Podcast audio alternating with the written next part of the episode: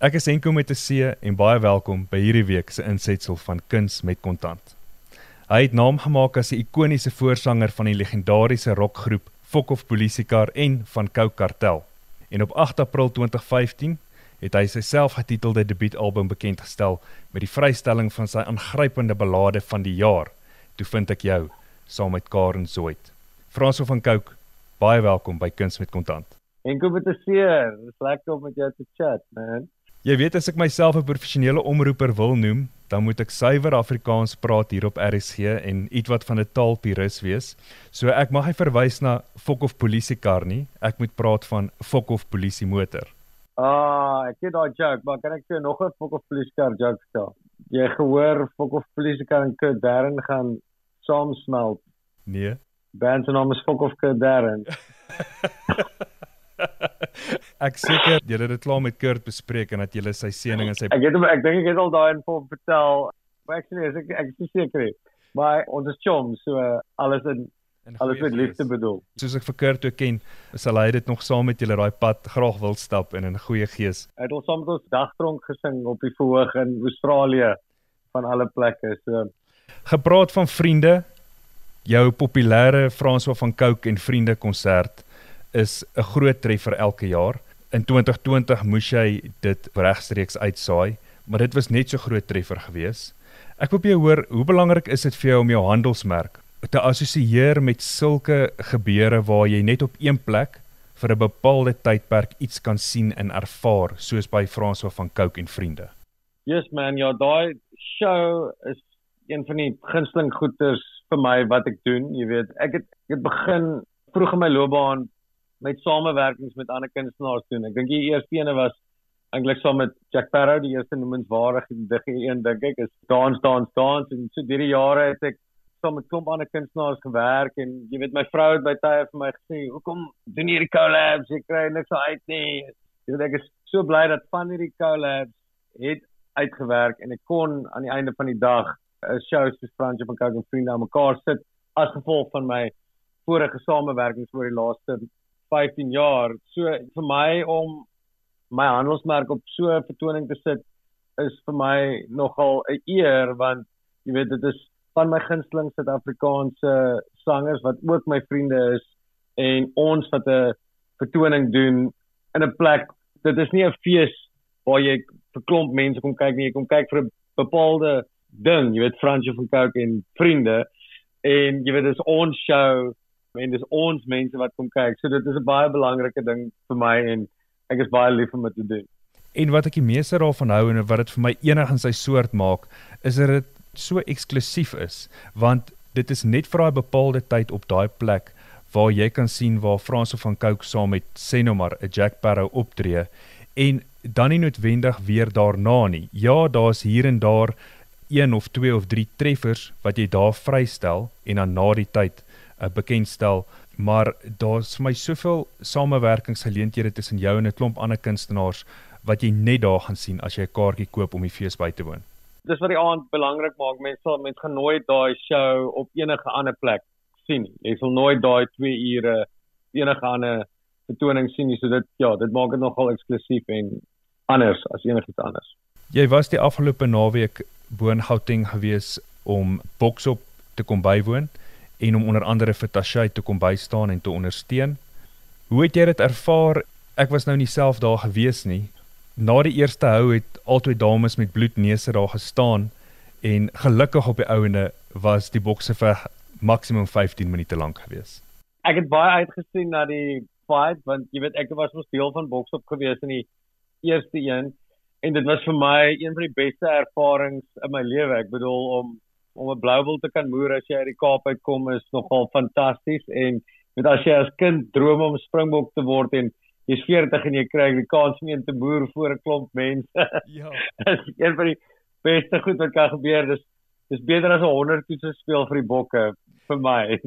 jy weet, so dit was vir my 'n baie spesiale ervaring en ek hoop dit was vir die girls ook, jy weet, want om reg te maak vir 'n boksgeveg, moet jy jou brein op 'n ander plek kry, jy weet, dit is soos barbaars amper, jy weet, om so in 'n kry te klim en iemand te gaan slaan, val iemand wat jy nou al bietjie leer ken het voor jy dit doen. So dit is ja, dis barbaars, mal ervaring, die adrenalien wat ek gevoel het na die geveg was iets wat ek nog nooit in my lewe ondervind het nie. Weet ek het na die geveg gelê in my bed en my hart het so gepomp soos toe nog 2:00 die oggend, gesukkel om te slaap. So ek hoop hulle het dieselfde ervaar. Ek is so 'n klein bietjie jammer Tasha het verloor want jy weet my goeie chom, maar ek is ook baie trots op Angelique en die werk wat sy ingesit het en uh ek is bly vir hulle en hulle het baie geld ingesamel om teen uh, gender-based violence. So ek ek ek baie bly vir die werk wat hulle daar gedoen het. Ja, en jy het destyds ook, soos jy nou genoem het, teen die afgetrede Springbok rugby speler Derek Hougaard hom aangevat het in boksop. Jy het hom na 6 aksiebelaide rond is, het jy gesê vir. Niemand is ge-knockout so of so ja. Maar ek het baie naby gekom in die, in die laaste ronde om te knockout. Ek het brag oor een van my prestasies nie, maar oor hierdie boksgeveg, jy weet dit is een ding waar ek kan brag in my lewe. As jy maar oor boks praat, dan vat ek die geleentheid om 'n bietjie te brag. Nee, dit was ja, dit was dit was 'n baie cool ervaring vir my. En ek bedoel, dit het vir my ook gemotiveer om te oefen op 'n ander manier na die geveg. Ek definitief my oefening begin tot 'n nuwe vlak gevat. Dit was 'n fondsinsameling gewees hoofsaaklik, maar wat het dit vir jou persoonlik beteken? Ek dink dit het vir my beteken as jy regtig fokus op iets kan jy dit gedoen kry. Ek dink soos 3 maande voor die geveg as iemand vir jou gesê het Fransje van Cooke gaan 'n boksgeweg wen teen 'n Springbok rugby speler sou so niemand jou geglo het. So jy weet ek dink baie min mense het vertroue gehad in my vermoë en ek het regtig hard gewerk om dit te doen. Jy weet ek het geweet wat die taak was en ek het gedruk om daarby uit te kom. So ek dink dit het my nogal iets geleer van deursettingsvermoë en dat 'n mens met harde werk kan jy nogal iets regkry. Het jy geld gemaak uit daardie boks op? Ek het ja, ek het ek het ook betaal ja om te fight. So so nou sal ek sommer nie omdat ek nou jy weet al beklei het vir geld nou sal ek dit net doen weer vir geld. Jy weet nie. Ek gaan nie kan nie sommer nou geslaan word vir niks nie. Gepraat van geslaanery en dalk 'n bietjie aggressie ek het al gehoor of gesien daar buite dat die ouens dink nogal dat die alternatiewe genre van musiek is amper half 'n aggressiewe genre. Die sangers in hierdie groepe en orkeste en bands is alles behalwe aggressiewe ouens. Ja, ek dink ons kry nogal baie van ons aggressie uit op die verhoog. Ek dink dit was vir my nogal toe ek jonger was, was daar baie aggressie en ek dink toe ons begin het met Fokker Police Car was ons baie kwaad en ek dink ons wou verander het hoe ons voel. Jy weet ons wou weggekom het van die tradisionele Afrikaanse manier van groot word en ons het geveg daarteen.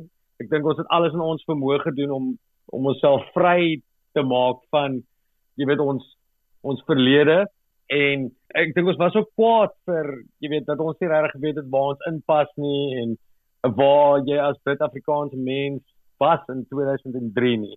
Ons het hierdie songs geskryf wat nogal aggressief was en vir my, jy weet, ek het die kans gekry om op, om dit op mense te skree 'n paar dae elke week.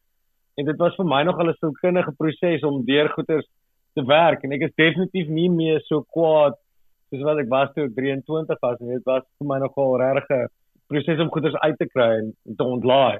Sou jy sê dat jy vrede en rustigheid begin kry het met ouderdom? Jy sit nou daar in jou pragtige huis in Bellville en ek weet dat jou huis is vir jou persoonlike taak en uitdaging om so mooi as moontlik te restoreer. Jy belê baie geld in daardie huis van jou. Ja, ek dink dis maar 'n paar goed. Dit is seker maar ouer word. Ek het toe ek jonger was, weet soos ek gesê het, ek wou probeer wegkom van alles wat tradisioneel was. Ek het hard beklei om te aanvaar, jy weet iemand kan lief wees vir my en ek het getrou met 'n vrou wat baie lief is vir my. So ek dink dit verander dinge nogal baie en jy weet ek het twee kids ook nou wat ook die hele lewe verander want jy weet ek bedoel dit gaan oor iemand anders as as jouself en jy weet ek hou ook soos jy gesê het ek hou van die huis waarin ek bly toe ek jonger was was daar nie iets soos huis nie om op die pad te gaan en te toer was die was die belangrikste ding dit was die droom om jy weet weg te wees by die huis want die omstandighede op die pad is is beter as wat by die huis is. Jy eet beter as jy op die pad is. Jy slaap beter as wat jy op die pad is. Dit nou is dit die teenoorgestelde. So as ek nou op die pad gaan, voel dit my ek's altyd op pad om huis toe te gaan. Jy weet, dit is altyd in die agter in my agterkop is ek kan nie wag om, om by die huis te kom om my familie te sien nie. Daai goed verander definitief. Mense uitkyk op die lewe, uh, liefde, familie en ek het altyd gesê, jy weet, musiek is die belangrikste ding in my lewe en jy weet musiek is nog steeds een van die redes hoekom ek wakker word, maar my familie het definitief belangriker geword as as musiek. En ek kyk nou na jou mooi huis. Is dit iets waarin jy baie geld belê en is dit die enigste eiendom waarin jy geld belê of diversifiseer jy en koop ander eiendomme ook?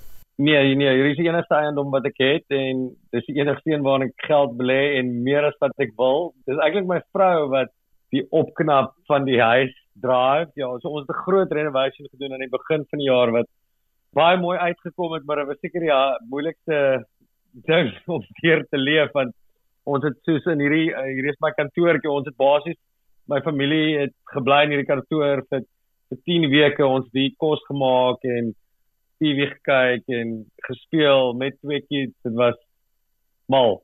So die helfte van die huis was in in uh, renovation maar dit is definitief nie moeite werd na die tyd, maar dis 'n moeilike ding om te doen. Dis ook vanuit daardie huis wat jy jou eerste aanlyn konsert regstreeks uitgesaai het en dit was tydens daai vlak 5 Grendel tydperk. Maar dit was 'n baie groot treffer en dis juis vanuit daai huis wat jy dit gedoen het en dit was nou verseker nog voor dat die restaurasie en die groot projek afgeskop het. Ja, dit was nou aan die begin van COVID 2020 en daai eerste 3 weke het ons ons gedink ja, dis lekker om 'n bietjie te chill by die huis, jy weet, en toe besef, wow, nee, hierdie ding gaan langer aangaan as wat 'n mens dink en toe het ek maar net dadelik vir my manager gesê, ek dink ons moet sommer probeer om 'n show uit my ehm um, spaarkamer uit te doen.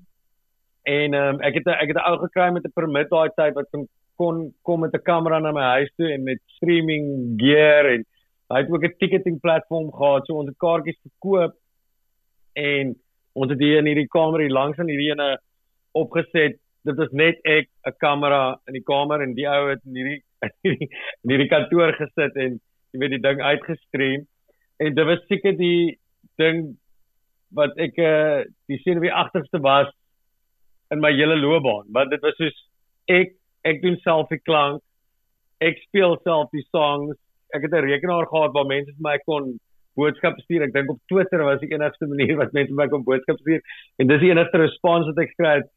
Maar ehm um, dit was 'n groot sukses want jy weet mense het definitief daai tyd ook 'n bietjie ehm um, entertainment nodig gehad want hulle kon niks doen nie. So so dit het goed gegaan en van daar af het ons maar die livestream ding gebou deur daai Grendeltyd en dit het baie goed gewerk. In 2017 het jy hierdie lewe uitgebring saam met jou groep Die Gevaar. En ek is nuuskierig om by jou te hoor of daar enige gevare in hierdie spesifieke bedryf is finansiëel gewys. Watter slaggate het jy al getrap? Ja, ek dink ek dink die finansies is die ding wat meeste musikante laat ophou doen waarvoor hulle lief is. Want in Suid-Afrika, jy weet, veral as jy alternatiewe musiek maak soos wat ons doen, jou mark is definitief klein as Afrikaans is dink ek is dit 'n bietjie makliker want mense Afrikaanse mense ons ondersteun ons baie goed, jy weet eh, want dit is maar deel van hulle identiteit. Maar ja, ek dink finansiëel was dit 'n was dit vir ons ook 'n massiewe struggle aan die begin, jy weet. Ons het as fok of polisiekar in 'n huis saam gebly. Ek het nie 'n bankkaart gehad nie. Ons het soos uit een band account gelewe. Uh, jy weet as daar geld was, dan sal ons iets doen. As daar nie geld was nie, dan sal ons niks doen nie of bedel of uitgaan op jou eie en drinks bam, jy weet.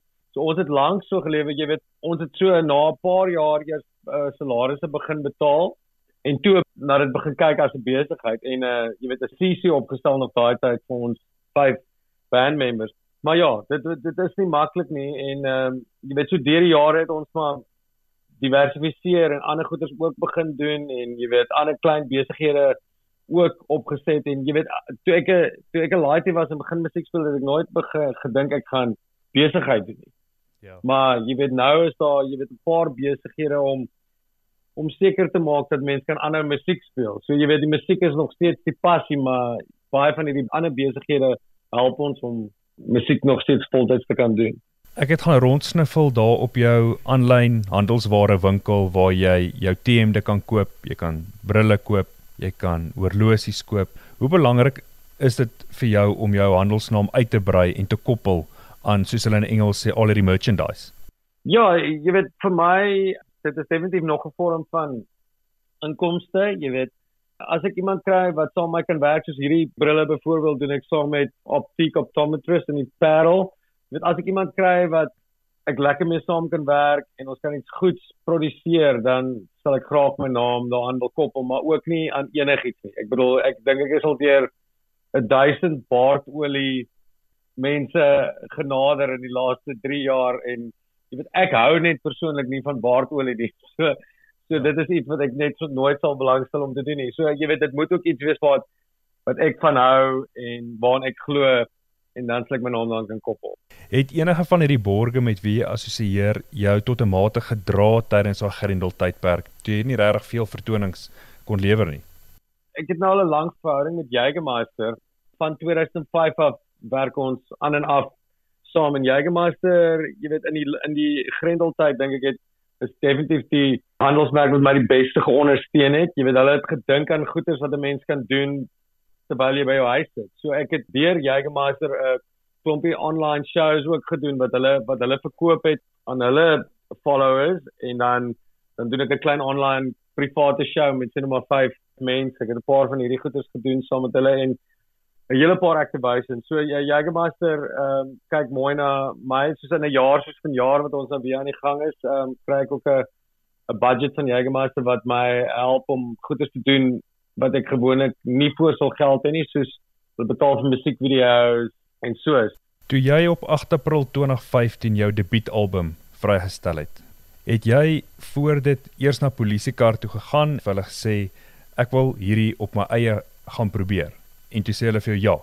Ja, ek kan nie regtig onthou of ek ooit vir hulle iets gesê het dat ek, ek gaan 'n solo album maak nie, maar hoe dinge met Fokker Police Car gewerk het, ons het op 'n plek gekom eh, omtrent in 2007 wat van die ouens in die band ander goeders wou gaan doen het, soos Johnny the Ridder het 'n studio begin, die lead guitarist en Hunter Kennedy, jy weet, hy begin skryf vir ander mense en ook ander ander goed begin doen. So ons het so 'n bietjie al 'n breek gevat al in 2007 na 4 jaar se bestaan en toe almal ander goeders begin doen. Ons ander bands begin doen. Ek het probeer swat vir 'n tydjie en toe opgegee en nog 'n band begin van Kou Kartel daarna.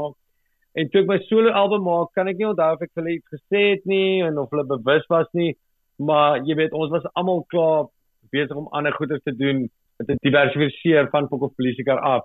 Ek kan nie onthou of daar ooit toe 'n gesprek was daaroor nie.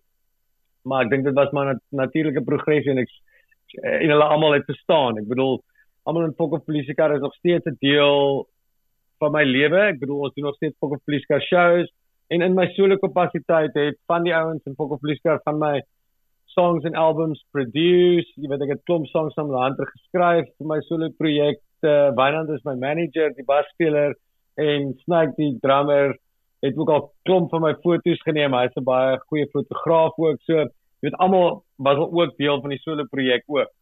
In dieselfde jaar sê Apple Music en iTunes jou solo album is die beste Afrikaanse album van 2015.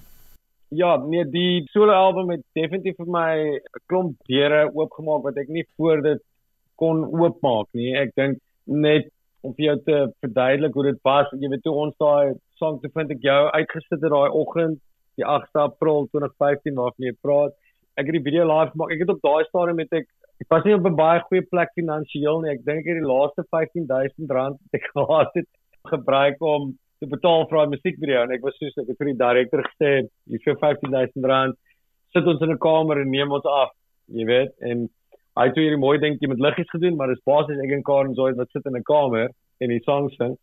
En jy weet ek het die oggend die video live gemaak 9:00 die oggend en toe ek in die gevaar gaan oefen en later daai middag was daar 20000 views en ons is wow dis baie vir 'n oggend. Dit is jy weet ons het dit nog nie gesien nie. En dink die aand was daar 90000 views en jy weet dit het net gaan aanhou klim. Jy weet deesdae staan hy op amper 14 miljoen views en jy weet dis definitief die die song wat dinge die meeste vir my verander het. Jy weet na op daai eerste dag het mense my video's begin stuur van hulle kinders wat die song sing, jy weet, voor dit. Fok of Police en van Kou Kartel, goed was daar nooit video's van kinders wat ons musiek songs sing nie. Nou deesdae sien die mense meer want ek dink ons is nou op daai ouderdom wat mense kinders het wat ons songs kan sing. So sien dit nou meer, maar dit was die eerste keer en my ouers, jy weet wat altyd my uh, musiekloopbaan ondersteun het, maar ek bedoel hulle kon nooit regtig luister na die musiek nie. Jy weet toe, toe hulle vriende begin hou en toe vind ek jou toe het my ouers ook begin luister na die musiek vir die eerste keer na 15 jaar. So dit het definitief uh, dinge verander en definitief my ek, as 'n mens dit moet noem 'n mark, ek bedoel, dit definitief my mark verbreed. Ja, so so dit ja, daai album het definitief dinge vir my verander. En om net vir luisteraars 'n idee te gee van die grootheid van die sukses van jou liedjie toe vind ek jou is onder andere die volgende toekenninge. Die gewildste liedjie van die jaar in 2016, die rock album van die jaar. Toe die digitale album van die jaar en die digitale liedjie van die jaar.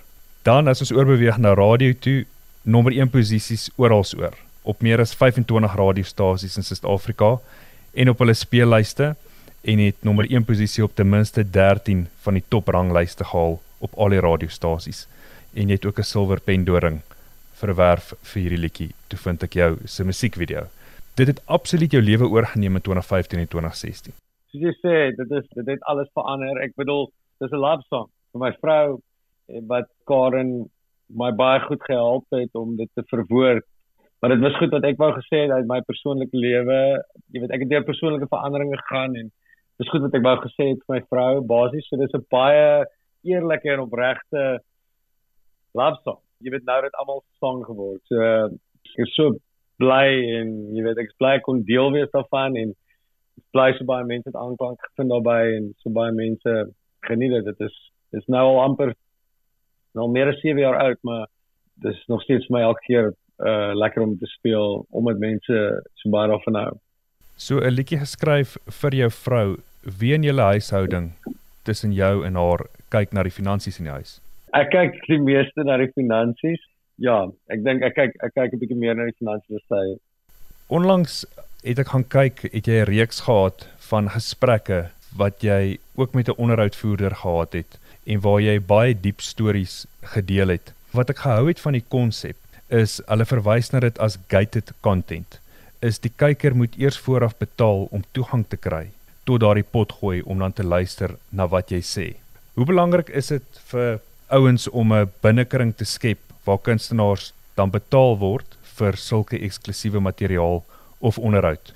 Ja, ek hou nogal van daai model, jy weet soos 'n subscription model. Ek ek doen nie regtig dit meeste van die tyd nie behalwe behalwe nou vir daai 40 jaar van Coke show het ons dit het ons gebruik maar jy weet daar is baie platforms waar jy dit kan doen ek gebruik dit nie op die oomblik nie want ek het op die oomblik net nie regtig tyd om aandag te gee aan so iets ek is maar net te besig met ehm um, jy weet regte live shows en musiek skryf en so so maar ek dink dit het baie mense deurgedra ook in die in die COVID tyd ek weet soos 'n vriend van my Matthew Mall is baie goed met daai goed, jy weet hy is ook 'n musikant wat alles kan speel en alles self by die huis maak. So vir sulke ouens is dit is dit ideaal om jy weet eksklusiewe goederes te kan gaan weggee so. So ek hou baie daarvan daai model. Jy gaan verseker baie besiger wees vir die tweede helfte van hierdie jaar want in September gaan jy 'n nuwe album vrystel. Sal jy ons meer van dit vertel? Ja, die die album se naam is Kan nie dood. Dis nou iets waarna ek werk nou al, ek dink van Februarie 20 21 af. Ja, so dis van die eerste van die songs ges geskryf is.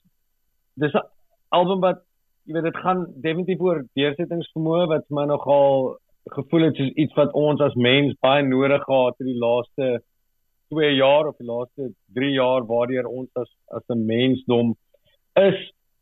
Maar kan nie dood is ook vir my, jy weet omdat sterflikheid so tasbaar geraak het hierdie laaste tyd, jy weet. Ek het vriende verloor in hierdie COVID tyd, nie net deur COVID nie, maar ook deur ander goed, jy weet, so so sterflikheid het my net baie naby gevoel die laaste tyd, maar dit is ook 'n uh, manier om te vier dat ons lewendig is. So dit is jy weet, ek kan nie dood is soos ek kan nie nou doodgaan nie. Ek wil nie nou doodgaan nie. Ek gaan lewe, maar ek is definitief bewus dat ek sterflik is. Ek wil teruggaan net na een ding toe wat ek jou nou-nou wou vra en dit is wat het jy aanvanklik studeer? Ek het na skool ek 'n bietjie sound geswat want ek wou ek musiek speel eintlik net nie gedink dit is moontlik om voltyds musiek te doen nie. So ek het 'n bietjie klank geswat na skool, maar toe ek op daai toe ons met Fok of Police Car 'n breek gevat in 2007 het ek ingeskryf deur Unisa en ek het Engels en sielkunde beplan om te doen. ek het ingeskryf en ek het my eerste taak gedoen en dis ek sê nee, dit gaan nie werk. Ek gaan nog 'n band begin. Ek het gebly in 'n wille huis saam met klomp wille mense wat deur nag geparty het en nee, dit sou net nooit gewerk het nie. Toe begin ek maar nog 'n band en ek is bly ek het. Jy het nou nog genoem dat jy byvoorbeeld R8000 oorgehad het om haar musiekvideo saam met Karen te maak. Wat gaan deur 'n ou se kop as jy daai besluit moet neem van ek het nog hierdie bietjie oor? Is dit amper al 'n dobbelspel?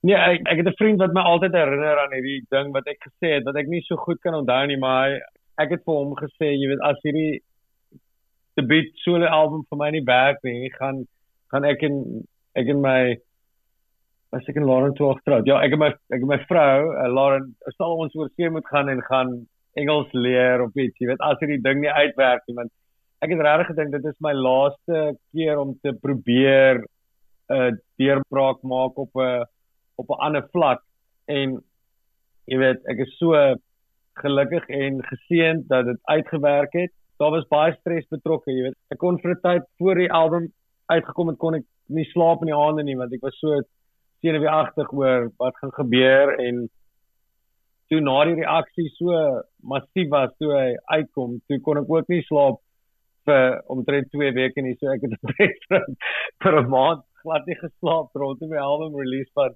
uh, daai eerste album nie. So ja, dit was 'n stresvolle tyd en dit jy weet musiek is maar 'n bietjie van 'n gamble want jy weet nooit waarvan mense gaan hou en waarvan hulle nie gaan hou voor jy dit uitsit nie. Daar is nie 'n 100% resep wat jou gaan guarantee dat jy weet die mense wat van voor goed gehou het van hou van wat jy nou doen nie. So ja, dit is 'n bietjie van 'n gamble. En dit moet sinitergend wees want ek weet selfs as ek en my vrou sulke groot besluite moet neem. Dit moet sinitergend wees as jy weet ek het 'n vrou om na te kyk. Sy maak staat op my. Ek moet hierdie groot besluit neem en dan druk jy tog deur en jy gaan met dit en vandag is die publiek tog te dankbaar dat jy daardie liedjie en daardie musiekvideo vrygestel het. Dit was maar maar wat was my ander opsie? Ek ek, ek bedoel ek ek sou of dit doen of ek sou jy weet soos ek gesê het dalk eers moet gaan gaan teach en heeltemal heeltemal loopbaan verander. So ek het dink jy weet soos toe ek jonger was sou ek nooit dink aan die finansiële implikasies nie want dit was net vir my belangrik om te doen wat my passie is. Jy weet, dit was net vir my belangrik. Ek moet musiek maak, hierdie goed moet uitkom. Ek gee nie om of ek lank gaan arm wees nie. I don't care. Jy weet, obviously verander dit hoe ouer mens word, maar ek dink dit is die instelling wat jy regtig moet hê as jy as jy 'n passie het vir musiek, jy weet, jy, om te gaan soek vir die geld dadelik is vir my 'n bietjie in die kunste dis die verkeerde pad om te te kies dink ek jy weet. Doen waarvoor jy passie het doen dit so hard as wat jy kan. Druk deur. Daar's so Bukowski poem wat sê go all the way go all the way. Jy weet dit is my soos jy weet doen alles tot die beste van jou vermoë. Druk deur. Dit is wat belangrik is. En jy het daai besluit al baie vroeg in jou lewe geneem selfs toe jy op skool was? Het jy nou as 'n jong mens skool verlaat en jy sê vir jou ouers dis nou wat jy gaan doen, jy gaan jou passie volg. Watter invloed het jou ouers op jou gehad en hoe het hulle daaroor gedink of het hulle vir jou gesê nee, my kind gaan kry asseblief 'n werksekuriteit waar jy elke maand 'n salaris gaan trek of het hulle jou gelos om jou eie ding te doen? My ouers wou baie graag gehad het ek ek moet universiteit toe gaan. So ek het ek het ingeskryf by Stellenbosch 3 jaar in 'n ry. My pa het 'n doktorsgraad, so hy het nogal baie geswat en my my suster het 'n doktorsgraad en my ma, jy weet, het 'n meester, jy weet so almal het baie geswat. En my ander suster ook nogal ver geswat. So ek uh, het ingeskryf Stellenbosch en dit was definitief nie hulle droom vir my om 'n musikant te word nie en soos ek vroeër gesê het, het ek klank gaan swat en ek het klank gedoen vir 'n tyd en toe ons Fok of Police kat ons opkom met die naam, dis ons ons moet hierdie band begin toe het ek vir my ma gesê ek kon nie vir hulle die naam van die band sê nie.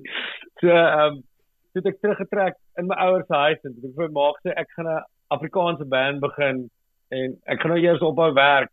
Ons gaan nou hierdie band begin. Ja. En my ma was so Julle gaan met groter wees as die Springbok Nude Girls wat ek dink dit was die enigste maatstaf wat ons gehad het daai tyd voor ons want hulle was ook van dieselfde area. Ek, dink my maat geweet Theo Kraus ry so 'n ou BMW rond iets. So sou dit ge dat aangeneem ons moet uh, meer geld kan maak as hulle om 'n bestaan te maak, jy weet. So dit was definitief nie hulle plan en toe is die naam nog ook of polisiekar ook. Ek dink al daai goed was was nog 'n groot skok. My ouers, my pa se dominee, jy weet, dit het nie baie goed afgegaan nie. Maar ek dink my ouers kan nou sien, jy weet, dit is nou 20 jaar later en jy weet hulle kan sien ek het my uit lewe uitgekerf uit hierdie ding uit en ek kan 'n familie onderhou en jy weet ek kan in 'n huis bly. so, ek dink dink hulle is hulle is redelik happy nou met my keuse na 20 jaar, maar hulle was definitief nie gelukkig daarmee in die begin nie. Frans, waar ons voer onderhoude met net die swaar gewigte in hierdie bedryf op kuns met kontant. En ek sê nou vir jou die helfte van hulle wat tot dusver deelgeneem het aan hierdie program is die kinders van 'n dominee. O, regtig? Sou jy dalk sê dat die feit dat 'n ou in die kerk groot word en dalk in die kerk se orkes begin speel, 'n groot aandeel daarin het? Miskien omdat mense pa altyd op die preekstoel is, dat jy dink dit lyk lekker om te praat met mense. ek weet ek het in 'n baie ehm um, kunsinnige huis groot geword. Jy weet my ma was ook 'n drama onderwyser en ook drama geswat. Jy weet ek het al groot geword rondom die kunste. Nie spesifiek wat ek uitgedraai het om te doen nie maar ek het groot geword in 'n huis wat weet ons musicals gekyk het. Daar was al my my invloede van my ouers af. My pa het net klassieke musiek en opera geluister so ek sukkel nog steeds deesdae om al twee daai goeders te luister want dit was soos al wat ons gehoor het basies in die huis maar dit was definitief 'n bietjie van 'n musikale education jy weet so wil jy vir my sê dat tydens jou grootword jare was jy op 'n stadium 'n voorsanger van die lofprysing en aanbiddingsgroep? Uh nee, my pa se kerkie. Nee, ek het ek het ek het daar die NG Kerk verlaat so in staan dit 8 en gegaan na 'n charismatiese kerk toe. Daar was ek 'n deel van worship teams en voorsangleier as dit nou die ja. beste Afrikaanse woord is. Die afleiding wat ek maak is dat in julle huishouding en in die gesin was daar plek veral in 'n huis waar daar soveel akademici is Jy het genoem jou pa, jou ma, jou susters wat so ver studeer het op universiteit. Daar's definitief plek vir kuns sowel as akademie in een huis en is amper half asof jy 'n baie goeie balans gehad het tussen daardie linker en regterbrein. Ja, ja, nee, ek ek bedoel alles gaan maar hand aan hand vir my op 'n manier in in ons huishouding. Jy die akademie en die en die kunste was nogal intertwined met mekaar. Soos my suster se doktorsgraad is in uh world music.